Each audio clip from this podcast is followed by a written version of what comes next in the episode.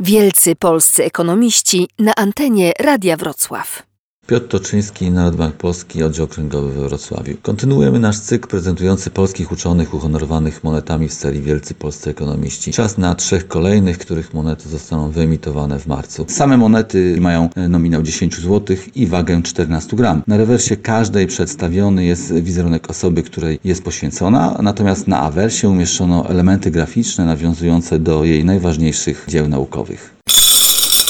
Paweł Dobrzański, jestem doktorem nauk ekonomicznych, pracuję jako adiunkt na Uniwersytecie Ekonomicznym we Wrocławiu. Adam Krzyżanowski, Ukończył on Gimnazjum Świętej Anny, następnie swoją edukację kontynuował na bardzo prestiżowym Uniwersytecie Jagiellońskim, na którym to w 1894 roku uzyskał tytuł doktora praw. I był on zdecydowanym przeciwnikiem inflacji, propagował ograniczenie wydatków, naprawę waluty, konieczność zaciągania pożyczki zagranicznej, czyli wręcz można powiedzieć, że on sprzeciwiał się tym metodom, które podejmowane były przez rząd Władysława Grabskiego. Ale choć był zwolennikiem liberalizmu, zarówno gospodarczego, jak i politycznego, to z entuzjazmem powitał przewrót majowy, uważając, że Józef Piłsudski będzie w stanie doprowadzić do sanacji gospodarczo-finansowej Polski. Dr Tomasz Kopyściański, Wyższa Szkoła Bankowa w Wrocławiu.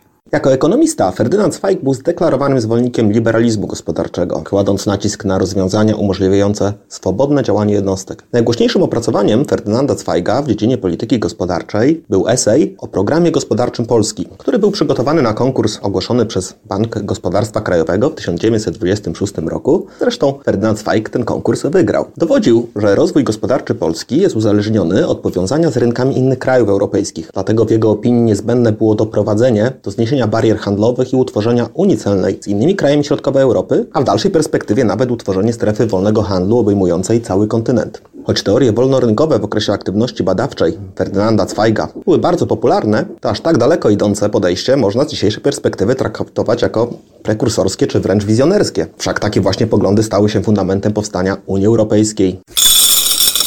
Adam Heidel, urodzony 6 grudnia 1893 roku, był zdecydowanie jednym z najbardziej utalentowanych ekonomistów tamtego okresu. Sympatyzował on z tradycją austriacką w teorii ekonomicznej. Zdecydowanie opowiadał się za lefeseryzmem w polityce gospodarczej, krytykował zdecydowanie e, protekcjonizm i etatyzm. Był głównym autorem e, głośnego zbioru pamfletów Etatyzm w Polsce, gdzie innymi właśnie z Adamem Krzyżanowskim krytykował nadmierną rozbudowę sektora państwowego w II Rzeczpospolitej. Warto również wspomnieć, że Heidel opowiadał się za ograniczeniem sektora państwowego i z powrotem jakby propagował wolny handel. Audycja powstaje we współpracy z Narodowym Bankiem Polskim.